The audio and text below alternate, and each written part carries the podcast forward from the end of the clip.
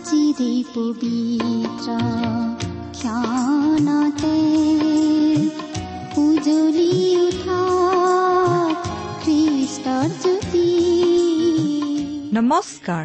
আমাৰ মৰমীয়াল প্ৰভু যীশুৰ মহান নামেৰে আপোনাক এয়া ভক্তিবচন অনুষ্ঠানলৈ আদৰিছো।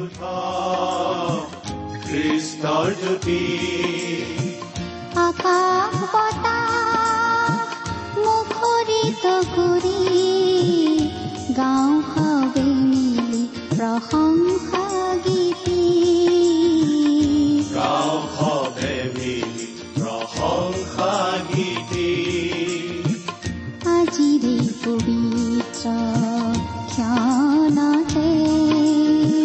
উজলি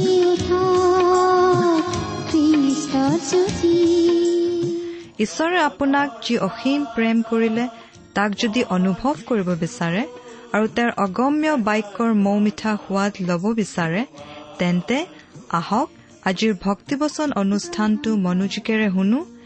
এয়া আপোনালৈ আগবঢ়াইছো ঈশ্বৰৰ জীৱন্ত বাক্যৰ অনুষ্ঠান ভক্তিবচন।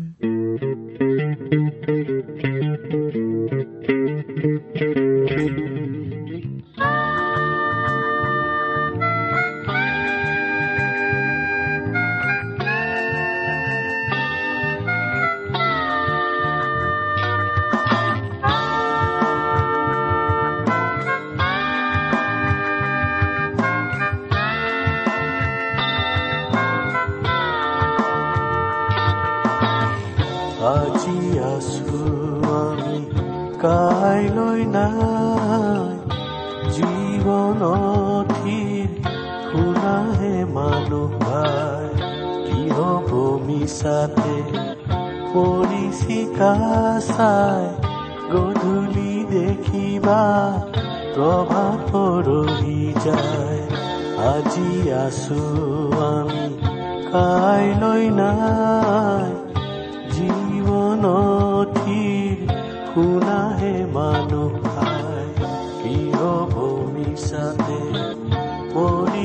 পৰিচিকা চাই গধূলি দেখিবা প্ৰভাত পৰহি যায়। আজি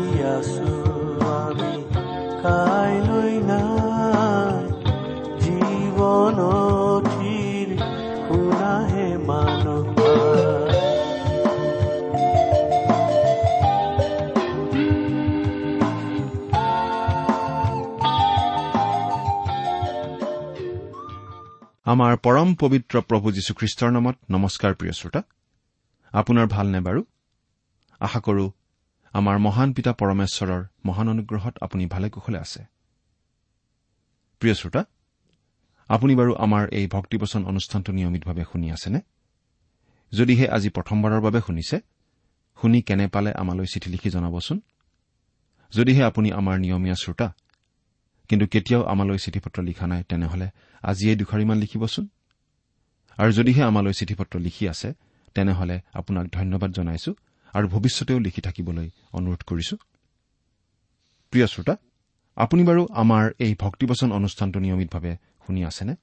যদিহে শুনি আছে তেনেহলে আপোনাৰ নিশ্চয় মনত আছে যে আমি আজি কিছুদিনৰ পৰা বাইবেলৰ পুৰণি নিয়ম খণ্ডৰ জুৱেল ভাৱবাদীৰ পুস্তক নামৰ পুস্তকখন অধ্যয়ন কৰি আছিলো। আপুনি বাৰু আমাৰ যোৱা অনুষ্ঠানটো শুনিছিল নে যোৱা অনুষ্ঠানত আমি কি আলোচনা কৰিছিলো আপোনাৰ মনত আছেনে বাৰু? আমি যোৱা অনুষ্ঠানত এই জুৱেল ভাৱবাদীৰ পুস্তকখনৰ দুই নম্বৰ অধ্যায়ৰ শেষৰ পদলৈকে পঢ়ি আমাৰ আলোচনা আগবঢ়াই নিছিলো নহয় জানো? গতিকে আজিৰ অনুষ্ঠানত আমি তাৰ পাছৰ অধ্যায়টো অৰ্থাৎ তিনি নম্বৰ অধ্যায়ৰ এক নম্বৰ পদৰ পৰা আমাৰ আলোচনা আৰম্ভ কৰিম। আজিৰ অনুষ্ঠানত আমি এই জুৱেল ভাৱবাদীৰ পুস্তকখনৰ অধ্যয়নৰ সামৰণি মাৰিম। প্ৰিয় শ্ৰোতা আমাৰ এই অনুষ্ঠান হৈছে বাইবেল অধ্যয়নৰ অনুষ্ঠান। এনেই বক্তৃতা দিয়াৰ অনুষ্ঠান নহয়। গতিকে বাইবেল অধ্যয়নৰ এই অনুষ্ঠান শুনি লাভৱান হবলৈ লগত বাইবেল এখন লৈ লোৱাটো খুবেই প্ৰয়োজনীয়। আৰু লগত বাইবেলখন থাকিলেই নহ'ব। বাইবেলখন মেলি লৈ আমি আলোচনা কৰি থকা অংশটো উলিয়াই ল'ব লাগিব। গতিকে এতিয়া বাৰু আপুনি আপোনাৰ বাইবেলখন মেলি লৈ পুৰণি নিয়ম খণ্ডৰ জুৱেল ভাৱবাদীৰ পুস্তকখন উলিয়াই লৈছেনে? কিন্তু আহকচোন আমি আমাৰ আলোচনা আৰম্ভ কৰাৰ আগতে খন্তেক প্ৰাৰ্থনাত মূৰ্ণত কৰোঁ হওক। আমি প্ৰাৰ্থনা কৰো স্বৰ্গত থকা অসীম দয়ালু পিতৃ ঈশ্বৰ তোমাৰ মহান নামৰ ধন্যবাদ কৰো। তোমাক ধন্যবাদ দিওঁ কিয়নো তুমি আমাক আকৌ এটা নতুন দিন দেখিবলৈ দিছা। আৰু তোমাৰ মহান বাক্য বাইবেল শাস্ত্ৰ অধ্যয়ন কৰিবলৈ তুমি আমাক আকৌ এটা সুযোগ দিছা। তোমাৰ বাক্যৰ নিগূঢ়তত্ব বুজাই দিয়াৰ ক্ষমতা আমাৰ নাই। প্ৰাৰ্থনা কৰিছো তোমাৰ বাক্য তুমিয়েই আমাক বুজাই দিয়া। এই অনুষ্ঠান শুনি থকা আমাৰ মৰমৰ শ্ৰোতাসকলক তুমি উপচি পৰাকৈ আশীৰ্বাদ কৰা। তোমাৰ স্পষ্ট মাত তেওঁলোকক শুনিবলৈ দিয়া। কিয়নো এই প্ৰাৰ্থনা আমাৰ মহান ত্ৰাণকৰ্তা মৃত্যুঞ্জয় প্ৰভু যীশুখ্ৰীষ্টৰ নামত আগবঢ়াইছো। আহমেন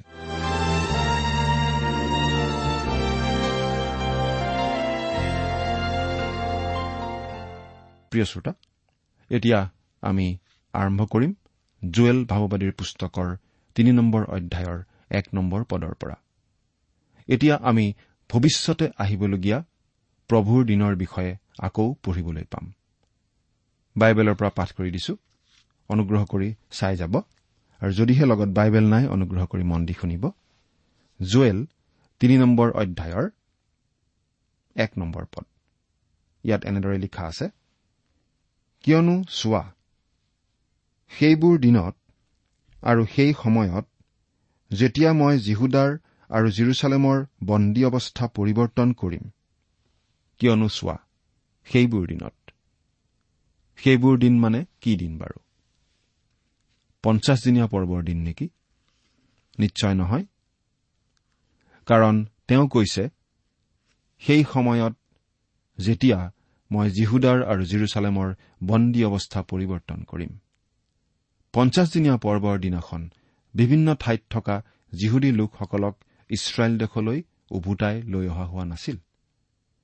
বৰং প্ৰভু যীশুখ্ৰীষ্টই বেলেগ ধৰণৰ কথা এটাহে কৈছিল। কি কথা কৈছিল বাৰু? আৰু জিৰচালেম আদি কৰি গোটেই জিহুদীয়া আৰু চমৰীয়া দেশত আৰু পৃথিৱীৰ সীমালৈকে তোমালোক মোৰ সাক্ষী হবা। পাচনিৰ কৰ্ম এক নম্বৰ অধ্যায়ৰ আঠ নম্বৰ পদ। বিভিন্ন ঠাইত বন্দী হৈ থকা যিহুদীসকলক আকৌ জিৰচালেমলৈ ঘূৰাই অনাৰ পৰিৱৰ্তে প্ৰভু যীশুৱে মণ্ডলীৰ মুৰব্বী হিচাপে সেই সময়ৰ খ্ৰীষ্টীয় বিশ্বাসীসকলক কৈছিল তোমালোক জগতৰ সীমালৈকে যোৱা। মই যে মৃত্যুক জয় কৰি জি উঠিলো সেই বাৰ্তা তোমালোকে বিলোৱাগৈ। তেওঁলোকক জনোৱা যে প্ৰভু অনুগ্ৰহশীল দীৰ্ঘসহিষ্ণু আৰু কৰুণাময় আৰু যিকোনোৱে প্ৰভুৰ নাম লয় তেওঁ পৰিত্ৰাণ পাব। প্ৰিয় শ্ৰোতা খ্ৰীষ্টৰ শুভবাৰ্তা ইমান সহজ সৰল যে মানুহে সহজে গ্ৰহণ কৰি ল'বলৈ টান পায়। কাৰণ মানুহে নিজকে বুদ্ধিমান বুলি জাহিৰ কৰিব খোজে। কিন্তু খ্ৰীষ্টৰ শুভবাৰ্তা সঁচাকৈয়ে অতি সহজ সৰল। আমি মাত্ৰ বিশ্বাসে কৰিব লাগে। আমি কৰ্মৰ যোগেদি পৰিত্ৰাণ নাপাওঁ। কিন্তু আমি খ্ৰীষ্টৰ যোগেদি পৰিত্ৰাণ পাওঁ। কেৱল তেওঁত বিশ্বাস স্থাপন কৰাৰ দ্বাৰাই। আৰু যদিহে আমি খ্ৰীষ্টক গ্ৰহণ কৰি পৰিত্ৰাণ পোৱা লোক তেনেহলে খ্ৰীষ্টৰ শুভবাৰ্তা বিয়পি পৰাটো আমি বিচাৰিমেই। কাৰণ শুভবাৰ্তা মানে ভাল খবৰ সুখবৰ। সকলো লোকেই জানিবলগীয়া খবৰ। এই খবৰ এইয়ে যে মানুহে খ্ৰীষ্টক বিশ্বাস কৰি তেওঁকেই পৰিত্ৰাতা বুলি গ্ৰহণ কৰিলে পৰিত্ৰাণ পায়।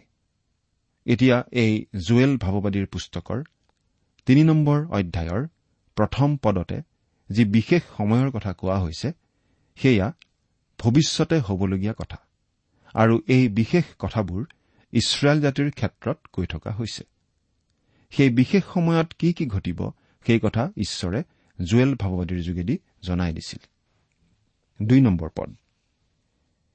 তেতিয়া মই আটাই জাতিক গোটাই জিহুচাফত জিহুৱাৰ বিচাৰ উপত্যকালৈ নমাই আনিম আৰু মোৰ প্ৰজা ও আধিপত্য যি ইছৰাইলক সিহঁতে জাতিবিলাকৰ মাজত ছিন্ন ভিন্ন কৰিলে আৰু মোৰ দেশ ভাগ বাটি ললে মই সেই ইছৰাইলৰ অৰ্থে তাত সিহঁতে সৈতে প্ৰতিবাদ কৰিম। তেতিয়া মই আটাই জাতিক গোটাই জিহুচাফত অঞ্চললৈ নমাই আনিম। আৰু এই অঞ্চল জিৰচালেমত আছে। আৰু মোৰ প্ৰজা ও আধিপত্য যি ইছৰাইলক সিহঁতে জাতিবিলাকৰ মাজত ছিন্ন ভিন্ন কৰিলে আৰু মোৰ দেশ ভাগ বাটি ললে মই সেই ইছৰাইলৰ অৰ্থে তাত সিহঁতে সৈতে প্ৰতিবাদ কৰিম। প্ৰভু যীশু এই পৃথিৱীলৈ আকৌ অহাৰ আগে আগে খ্ৰীষ্টীয় বিশ্বাসীসকলক এই পৃথিৱীৰ পৰা উঠাই লৈ যোৱা হ'ব আৰু খ্ৰীষ্টই বিচাৰ কৰিব। তেওঁলোকৰ কোনে কোনে পুৰস্কাৰ পাব কোনে কোনে নাপায় সেই কথা। তাৰ পাছত তেওঁ যেতিয়া পৃথিৱীলৈ আহিব তেতিয়া তেওঁ বিচাৰ কৰিব কোনে কোনে তেওঁৰ ৰাজ্যত থাকিবলৈ পাব সেই কথা। এই বিশেষ ভাৱবাণীটো কেৱল জুৱেল ভাৱবাদীয়েই নহয় আন আন ভাৱবাদীৰ যোগেদিও ঈশ্বৰে ঘোষণা কৰি থৈছে। জখৰীয়া পুস্তকত এই বিষয়ে আমি এনেদৰে পাওঁ হে চিয়ন জীয়ৰী গীত গাই আনন্দ কৰা। কিয়নো জিহুৱাই কৈছে চোৱা মই আহিছো আৰু মই তোমাৰ মাজত বাস কৰিম। সেইদিনা অনেক জাতিয়ে জিহুৱাৰ লগ ল'ব আৰু তেওঁবিলাক মোৰ প্ৰজা হ'ব আৰু মই তোমাৰ মাজত বাস কৰিম। তাতে বাহিনীবিলাকৰ জিহুৱাই যে মোক তোমাৰ ওচৰলৈ পঠালে তাক তুমি জানিবা। জখৰীয়া দুই নম্বৰ অধ্যায়ৰ দহ আৰু এঘাৰ নম্বৰ পদ। এই বিশেষ কথাটোৱে জুৱেল ভাৱবাদীয়ে ইছৰাইলৰ লোকসকলক প্ৰথমেই কৈছে। এয়ে ইছৰাইল জাতিৰ আশা গৌৰৱময় আশা যে এদিন প্ৰভু এই পৃথিৱীলৈ আহিব আৰু তেওঁৰ ৰাজ্য প্ৰতিষ্ঠা কৰিব আৰু সকলো মানুহৰ ওপৰত ঈশ্বৰে তেওঁৰ আত্মা বাকি দিব। প্ৰভু যীশুৰ এই পুনৰ আগমন নিশ্চয় ঘটিব। এতিয়া পাঠ কৰি দিম তিনি নম্বৰ পদ। সিহঁতে মোৰ প্ৰজাবিলাকৰ নিমিত্তে চিঠি খেলালে ল'ৰা দি বেশ্যা ললে আৰু পাণ কৰিবৰ অভিপ্ৰায়েৰে ছোৱালী দি দ্ৰাক্ষাৰস কিনিলে। ইয়াত জুৱেল ভাৱবাদীয়ে এটা অতি দুখ লগা অৱস্থাৰ উল্লেখ কৰিছে। প্ৰিয় শ্ৰোতা আজি আমাৰ মাজত বহুতো অনুষ্ঠান ওলাইছে যিবোৰে জীৱ জন্তুৰ প্ৰতি নিষ্ঠুৰতা প্ৰদৰ্শন নকৰিবলৈ আমাক সকীয়াই থাকে। কিন্তু আমি ভাবো জীৱ জন্তুৰ প্ৰতি আমি নিষ্ঠুৰতা নেদেখুৱাই মৰম দেখুৱাব লাগে এইটো ঠিকেই। কিন্তু আমাৰ সমাজত চলি থকা এটা অন্যতম জঘন্য অপৰাধ হৈছে শিশুবিলাকৰ প্ৰতি চলি থকা নিষ্ঠুৰতা। ভাবিলে আচৰিত লাগে যে আজিও আমাৰ সমাজত শিশুৰ প্ৰতি নিষ্ঠুৰতা ঘটি থকা আমি শুনিবলৈ পাওঁ আমি দেখিবলৈ পাওঁ। ঈশ্বৰে আগতেই জনাই থৈছে যে এনেকুৱা কুদিন আহিবই যে মানুহে আনকি বেশ্যাৰ কাৰণে নিজৰ সন্তানকেই বেচি দিব মদৰ কাৰণে নিজৰ ছোৱালীকেই বেচি দিব। এনে মন্দ দিন আহি আছে ঘটিও আছে আৰু এইবোৰ আচলতে শেষকালৰ চিন। চাৰি নম্বৰ পদ। আৰু হে তুৰ চিডুন আৰু পলেষ্টিয়াবিলাকৰ আটাই অঞ্চল মোৰ আগত তোমালোক কি? তোমালোকে মোৰ ওপৰত প্ৰতিকাৰ সাধিব খুজিছানে? যদি তোমালোকে মোৰ ওপৰত প্ৰতিকাৰ সাধা তেন্তে মই বেগেৰে অতি শীঘ্ৰে তোমালোকে সদা প্ৰতিকাৰৰ প্ৰতিফল তোমালোকৰ মূৰৰ ওপৰত দিম। ঈশ্বৰে কৈছে যে তেওঁলোকে তেওঁলোকৰ সময় অতিক্ৰম কৰিলে আৰু এতিয়া তেওঁলোক আৰু ঈশ্বৰলৈ ঘূৰি আহিব নোৱাৰা অৱস্থা হৈছে। পাঁচ আৰু ছয় নম্বৰ পদ। কিয়নো তোমালোকে মোৰ ৰূপ আৰু সোণ নীলা আৰু তোমালোকৰ মন্দিৰবোৰলৈ মোৰ উত্তম উত্তম মনোহৰ বস্তু লৈ গলা। তোমালোকে জিহুদাৰ আৰু জিৰচালেমৰ সন্তানবিলাকক তেওঁবিলাকৰ সীমাৰ পৰা দূৰ কৰিবৰ নিমিত্তে জাবনৰ সন্তানবিলাকৰ গুৰিত তেওঁবিলাকক বেচিলা। আনকি সেই সময়তো ইছৰাইলৰ সন্তানবিলাকক এনেদৰে বন্দী কৰি শত্ৰুবোৰে বিক্ৰী কৰি আছিল। আৰু এই সকলো ঘটি আছিল ৰোমিয়াসকলে শাসন চলোৱাৰ আগৰ পৰাই। ইছৰাইল জাতিৰ এই দুৰৱস্থাৰ কথা ঈশ্বৰে কিন্তু পাহৰা নাই। ইছৰাইলৰ ওপৰত চলোৱা অত্যাচাৰৰ কথা তেওঁ পাহৰা নাই। সাত আৰু আঠ নম্বৰ পদ দুটা পঢ়ি দিম। কিন্তু চোৱা যি ঠাইত তোমালোকে তেওঁবিলাকক বেচিলা সেই ঠাইৰ পৰা মই তেওঁবিলাকক সাৰ পুৱাই উদ্ধাৰ কৰিম। আৰু তোমালোকে সদা প্ৰতিকাৰৰ প্ৰতিফল মই তোমালোকৰ মূৰৰ ওপৰত দিম। আৰু তোমালোকৰ পু যিবোৰক যীহুদাৰ সন্তানবিলাকৰ হাতত বেচিম আৰু তেওঁবিলাকে সিহঁতক দূৰত থকা জাতি চিবাইয়া লোকবিলাকৰ গুৰিত বেচিব কিয়নো জিহুৱাই ইয়াক কলে। ঈশ্বৰে তুৰ আৰু চিডুনৰ এই কুকৰ্মৰ প্ৰতিফল দিব বুলি জনাই দিছিল। তেওঁলোকে ইছৰাইলৰ সন্তানবিলাকৰ ওপৰত চলোৱা অত্যাচাৰৰ প্ৰতিফল ঈশ্বৰৰ পৰা পাব বুলি এনেদৰে জনাই দিয়া হৈছিল। কিন্তু কেৱল জুৱেল ভাৱবাদীয়েই নহয় জিহিচকেল জিৰিমিয়া আৰু যিচয়া ভাৱবাদীৰ যোগেদিও এই কথা জনাই দিয়া হৈছিল। আৰু আমি ইতিহাস পঢ়িলে গম পাওঁ যে এই ভাৱবাণী ইতিমধ্যেই আখৰে আখৰে ফলিয়াইছে তুৰ আৰু চিডুনে ঈশ্বৰৰ পৰা শাস্তি পাইছে। এতিয়া পাঠ কৰিম ন আৰু দহ নম্বৰ পদ। তোমালোকে জাতিবিলাকৰ মাজত এই কথা ঘোষণা কৰা। যুদ্ধ আৰম্ভ কৰা। বীৰবিলাকক জগোৱা। আটাই ৰণুৱা আহি উপস্থিত হওক। তোমালোকে তোমালোকৰ নাঙলৰ ফাল পিটি তৰোৱাল আৰু তোমালোকৰ কলম দিয়া কটাৰী পিটি জাঠি গঢ়োৱা। মই বীৰ এইবুলি দুৰ্বলজনে কওক তোমালোকৰ নাঙলৰ ফাল পিটি তৰোৱাল আৰু তোমালোকৰ কলম দিয়া কটাৰী পিটি জাঠি গঢ়োৱা। এতিয়া কোনোবাই ক'ব পাৰে মই বাইবেলত তৰোৱাল পিটি নাঙলৰ ফাল গঢ়োৱাৰ কথা থকা বুলিহে ভাবিছিলো? এৰা বাইবেলত এই কথাও আছে। কিন্তু যেতিয়া পৃথিৱীত প্ৰভুৰ শাসন চলিব তেতিয়াহে। যিচয়া দুই নম্বৰ অধ্যায়ৰ চাৰি নম্বৰ পদ মিখা চাৰি নম্বৰ অধ্যায়ৰ তিনি নম্বৰ পদ চাওক। পদকেইটা আকৌ কৈ দিছো যিচয়া দুই নম্বৰ অধ্যায়ৰ চাৰি নম্বৰ পদ আৰু মিখা চাৰি নম্বৰ অধ্যায়ৰ তিনি নম্বৰ পদ। যেতিয়া এই পৃথিৱীত প্ৰভু যীশুখ্ৰীষ্টৰ শাসন চলিব তেতিয়া আমি সকলো অস্ত্ৰ শস্ত্ৰৰ পৰা অব্যাহতি ল'ব পাৰিম। সকলো যুদ্ধ বিগ্ৰহৰ পৰা আমি অব্যাহতি ল'ব পাৰিম। আজিও আমাক অস্ত্ৰ শস্ত্ৰৰ প্ৰয়োজন হয় আত্মৰক্ষাৰ বাবে। দেশ ৰক্ষাৰ বাবে আজিও আমাক সৈনিকৰ প্ৰয়োজন হৈ আছেই। যেতিয়ালৈকে পৃথিৱীত প্ৰভু যীশুখ্ৰীষ্টৰ ন্যায় শাসন প্ৰতিষ্ঠা নহ'ব তেতিয়ালৈকে অন্ততঃ আত্মৰক্ষাৰ বাবে অস্ত্ৰ শস্ত্ৰৰ প্ৰয়োজন থাকিবই। এই কথাটো আমি মানি ল'বই লাগিব। এতিয়া পাঠ কৰি দিম এঘাৰ আৰু বাৰ নম্বৰ পদ। হে চাৰিওফালৰ আটাই জাতি বেগেৰে আহি গোট খোৱা।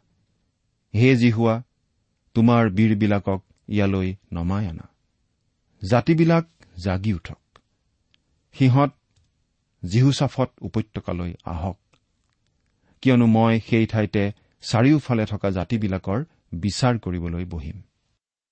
জৈতুন পৰ্বতত প্ৰভু যীশুৱে যি শিক্ষা দিছিল শিষ্যসকলক তেতিয়া প্ৰভু যীশুৱে এই কথাটো জনাই দিছিল যে তেওঁ জাতিসমূহৰ বিচাৰ কৰিব আৰু তেওঁলোকে প্ৰভু যীশুৰ লোকসমূহৰ প্ৰতি কেনে ব্যৱহাৰ কৰি আহিছে তাৰ ভিত্তিতেই জাতিসমূহৰ বিচাৰ তেওঁ কৰিব। কোনোবাই হয়তো সুধিব পাৰে তেওঁৰ লোকসমূহনো কি বেলেগ? তেওঁলোক আন লোকসমূহতকৈ কিবা উত্তম নেকি? নাই নহয়। তেন্তে প্ৰভু যীশুৱেনো এনেদৰে কিয় বিচাৰ কৰিব? কাৰণ সেই বিচাৰৰ আগে আগে খ্ৰীষ্টীয় বিশ্বাসীসকলক এই পৃথিৱীৰ পৰা উঠাই নিয়া হ'ব আৰু এই পৃথিৱীত খ্ৰীষ্টৰ সাক্ষ্য দিব এক লাখ চৌৰাল্লিছ হাজাৰজন যিহুদী বিশ্বাসীয়ে। প্ৰভু যীশুৱে কৈছিল যে কোনোবাই যদি তেওঁৰ এই সাক্ষীসকলৰ মাজৰ কাৰোবাক আনকি এগিলাচ পানীও খুৱায় তেন্তে তেওঁ সেই কাৰ্যৰ বাবে পুৰস্কাৰ লাভ কৰিব। এই কথাটো শুনি আমি হয়তো ভাবিব পাৰো যে আজিও আমি প্ৰভু যীশুৰ কাৰণে একেবাৰে অকণমান কিবা এটা কৰিলেই যথেষ্ট। হয়তো মাত্ৰ টকা এটা দান দিলেই যথেষ্ট। কিন্তু প্ৰিয় শ্ৰোতা সেই এক লাখ চৌৰাল্লিছ হাজাৰজন সাক্ষীৰ কাৰোবাক এগিলাচ পানী দিলেও মানুহে মৃত্যুদণ্ড পাব লগা হ'ব পাৰে। অৰ্থাৎ দেখাত সাধাৰণ কাম যেন হলেও সেই ভৱিষ্যতৰ মহাক্লেশৰ সময়ত এগিলাচ পানী দিয়া কামটো এটা সাংঘাতিক ধৰণৰ কাম হ'ব পাৰে। তেনেকুৱা এটা পৰিস্থিতি সেই সময়ত চলি থাকিব। গতিকে মাত্ৰ এগিলাচ পানী দিয়াটো যথেষ্ট ডাঙৰ কাম হ'ব। তেৰ নম্বৰ পদ। তোমালোকে কাচি লগোৱা কিয়নো শস্য পকিল আহা গছকা কিয়নো দ্ৰাক্ষাকুণ্ড পৰিপূৰ্ণ আছে আৰু ৰসৰ আধাৰবোৰ উপচি পৰিছে কাৰণ সিহঁতৰ দুষ্টতা অধিক। ইয়াত আচলতে শস্য বুলি কওঁতে শেষকালৰ কথা বুজোৱা হৈছে। চৈধ্য নম্বৰ পদ দণ্ডাজ্ঞা সিদ্ধিৰ উপত্যকাত লোক জুমে জুমে আছে। কিয়নো দণ্ডাজ্ঞা সিদ্ধিৰ উপত্যকাত দণ্ড দিব লগা জিহুৱাৰ দিন ওচৰ। এই সময়ছোৱাত জুৱেল ভাৱবাদীয়ে জিহুৱাৰ দিন বুলি জনাই দিছে।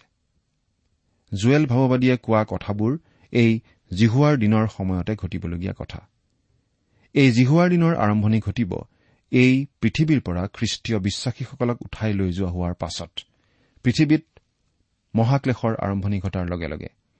আৰু প্ৰভু যীশুৱে এই পৃথিৱীত ন্যায় শাসন প্ৰতিষ্ঠা কৰিবলৈ আকৌ আহি কোনে তেওঁৰ সেই ৰাজ্যত সোমাবলৈ পাব তাৰ বিচাৰ হোৱা দিন পৰ্যন্ত এই জিহুৱাৰ দিন চলি থাকিব। তাৰ পাছত খ্ৰীষ্টৰ ন্যায় শাসন চলিব এহেজাৰ বছৰ ধৰি। আকৌ কিছুদিনৰ কাৰণে ছয়তানক মুকলি কৰি দিয়া হ'ব আৰু শেষত বগা সিংহাসনত বহি প্ৰভু যীশুৱে শেষ বিচাৰ কৰিব। তাৰ পাছতেই অনন্তকাল আৰম্ভ হ'ব। এই সকলোবোৰ ঘটনা আচলতে জিহুৱাৰ দিন বোলা সময়ছোৱাৰ অন্তৰ্গত। স্বৰ্গীয় স্থানবোৰত যে নানা ধৰণৰ চিন দেখা যাব সেই কথা জুৱেল ভাৱবাদীয়ে আকৌ কৈছে। পোন্ধৰৰ পৰা সোতৰ নম্বৰ পদ পঢ়িলে আমি এনেদৰে জানিব পাৰো। সূৰ্য আৰু চন্দ্ৰ অন্ধকাৰ হৈছে আৰু তৰাবোৰে নিজৰ পোহৰ নিদিয়ে। আৰু জিহুৱাই চিউনৰ পৰা গৰ্জন কৰিব জিৰচালেমৰ পৰা নিজৰ মাত শুনাব আকাশমণ্ডল আৰু পৃথিৱী কঁপিব কিন্তু জিহুৱা নিজ প্ৰজাবিলাকৰ আশ্ৰয় আৰু ইছৰাইলৰ সন্তানবিলাকৰ কোঁঠস্বৰূপ হ'ব। তাতে মই যে মোৰ পবিত্ৰ পৰ্বতত চিউনত বাস কৰোতা তোমালোকৰ ঈশ্বৰ জিহুৱা তাক তোমালোকে জানিবা। তেতিয়া জিৰচালেম পবিত্ৰ হ'ব বিদেশীবোৰে তাৰ মাজেদি আৰু অহা যোৱা নকৰিব। জিৰচালেম এতিয়াও পৰজাতিৰ প্ৰভাৱৰ পৰা মুক্ত হোৱা নাই। প্ৰভু যীশুৰ শূন্য কবৰটো চাবলৈ আজিও বিভিন্ন দেশৰ লোকসমূহ তালৈ যায়। কিন্তু এনে এটা দিন আহি আছে। তেতিয়া সেই শূন্য কবৰটো ভ্ৰমণকাৰীসকলৰ আকৰ্ষণৰ বস্তু হৈ নাথাকিব কাৰণ প্ৰভু যীশু সোঁশৰীৰে তাত উপস্থিত হবহি। এতিয়া আমি পাওঁ সেই ৰাজ্যৰ সময়ৰ কথা। ওঠৰ নম্বৰ পদ সেইদিনা পৰ্বতবোৰৰ পৰা নতুন দ্ৰাক্ষাৰস টোপাটোপে পৰিব। ওখ পৰ্বতবোৰৰ পৰা গাখীৰৰ সুঁতি বৈ যাব। জিহুদাৰ আটাই জুৰিবোৰৰ পানী বব আৰু জিহুৱাৰ গৃহৰ পৰা এটা ভুমুক ওলাই চিত্তিমৰ উপত্যকাত পানী দিব। সেইদিনা মানে জিহুৱাৰ দিনৰ কথা কোৱা হৈছে। পৰ্বতবোৰৰ পৰা নতুন দ্ৰাক্ষাৰস টোপাটোপে পৰিব। ইয়াত সেই আহিবলগীয়া ৰাজ্যৰ কথা কোৱা হৈছে য'ত প্ৰভু যীশুৰ ন্যায় শাসন চলিব। জিহুৱাৰ গৃহৰ পৰা এটা ভুমুক ওলাই চিত্তিমৰ উপত্যকাত পানী দিব। এইটো কেনেকৈ সম্ভৱ হ'ব? কাৰণ চিত্তিম উপত্যকা জৰ্দন নদীৰ আনটো পাৰে। জখৰীয়া ভাৱবাদীয়ে কৈছে যে সেইদিনা পৰ্বত ফাটি দুভাগ হ'ব আৰু উত্তৰৰ পৰা দক্ষিণলৈ নগৈ পানী পূবৰ পৰা পশ্চিমলৈ বৈ যাব। পদ। জিহুদাৰ সন্তানবিলাকক কৰা অত্যাচাৰৰ নিমিত্তে মিছৰ ধ্বংসস্থান হ'ব আৰু ইডুম ধ্বংস অৰণ্য হ'ব। কিয়নো সিহঁতে নিজৰ দেশতে নিৰ্দোষীৰ ৰক্তপাত কৰিলে। ঈশ্বৰে মিছৰ আৰু ইডুমক ধ্বংস কৰিব তেওঁলোকে কৰি অহা দুষ্কৰ্মৰ বাবে। তেওঁলোক সদায় ইছৰাইল জাতিৰ বিৰোধী হৈ আহিছে। বিশ আৰু একৈশ নম্বৰ পদ। কিন্তু জিহুদা চিৰকাললৈকে আৰু জিৰচালেম পুৰুষানুক্ৰমে থাকিব। আৰু মই তেওঁবিলাকৰ যি ৰক্তপাতৰ প্ৰতিকাৰ সধা নাই সেই ৰক্তপাতৰ প্ৰতিকাৰ সাধিম। কিয়নো জিহুৱাই চিউনত বাস কৰিছে। ঈশ্বৰে তেওঁলোকৰ হৈ এতিয়াও কাম কৰা নাই। কিন্তু এদিন ঈশ্বৰ জিহুৱাই নিজে ইছৰাইল জাতিৰ হৈ হস্তক্ষেপ কৰিব। তেওঁ নিজে জিৰচালেমত স্থিতি ল'বহি।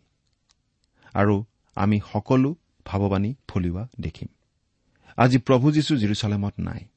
তেওঁ স্বৰ্গত পিতৃ ঈশ্বৰৰ সোঁহাতে বহি আছে। কিন্তু তেওঁ আকৌ আহিব। তেওঁৰ বাক্য বিফল নহয়। তেওঁৰ প্ৰতিজ্ঞাৰ লৰচৰ নহয়। আমি সেই বিশেষ দিনটোলৈ আশাৰে বাট চাই আছো। কিন্তু আজিয়েই আমি আমাৰ জীৱনত প্ৰভু যীশুৰ উপস্থিতি লাভ কৰিব পাৰো তেওঁক আমাৰ ত্ৰাণকৰ্তা আৰু প্ৰভু বুলি গ্ৰহণ কৰি। সেই কাম বাৰু আপুনি কৰিছেনে?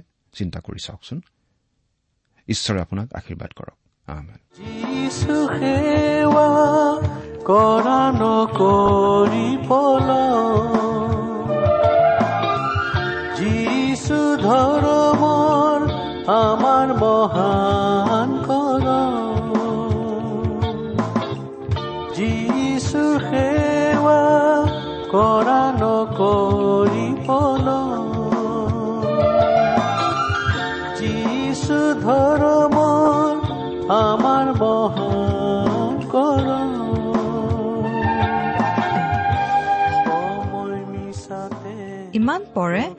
আপুনি ভক্তিবচন অনুষ্ঠানটি শুনিলে। অনুষ্ঠানটি শুনি কেনে পালে? আমালৈ চিঠি লিখি জনাবচোন। অনুষ্ঠানত প্ৰচাৰ কৰা কোনো কথা বুজিব লগা থাকিলেও আমালৈ লিখক। আমাৰ ঠিকনা ভক্তিবচন টি ডাব্লিউ আৰ ইণ্ডিয়া ডাক বাকচ নম্বৰ সাত শূন্য গুৱাহাটী সাত আঠ এক শূন্য শূন্য এক।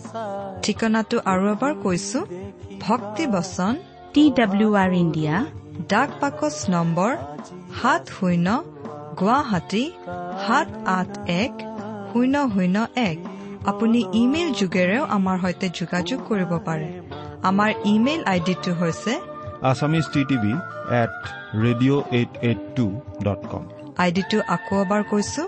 Assamese T TV at radio' eight eight two dot com আপুনি টেলিফোনৰ মাধ্যমেৰেও আমাক যোগাযোগ কৰিব পাৰে। আমাৰ টেলিফোন নম্বৰটো হৈছে শূন্য তিনি ছয় এক দুই ছয় শূন্য চাৰি ছয় সাত এক। ফোন নম্বৰটো আকৌ এবাৰ কৈছো zero' three six one two six zero' four six seven one. আজিৰ অনুষ্ঠানটি ইমানতে সামৰিছো। ঈশ্বৰৰ শান্তি আৰু অনুগ্ৰহ আপোনাৰ লগত থাকক। ধন্যবাদ।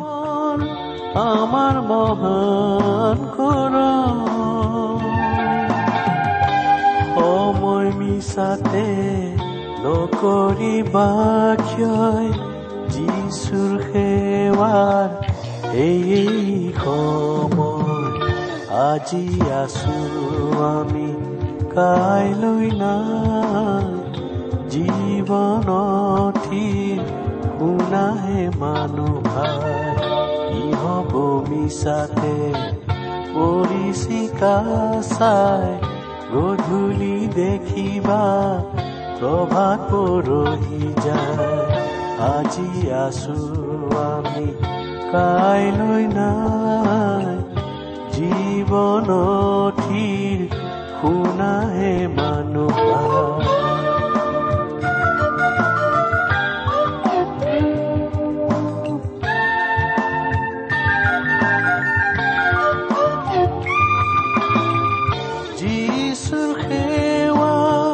কৰা নকৰি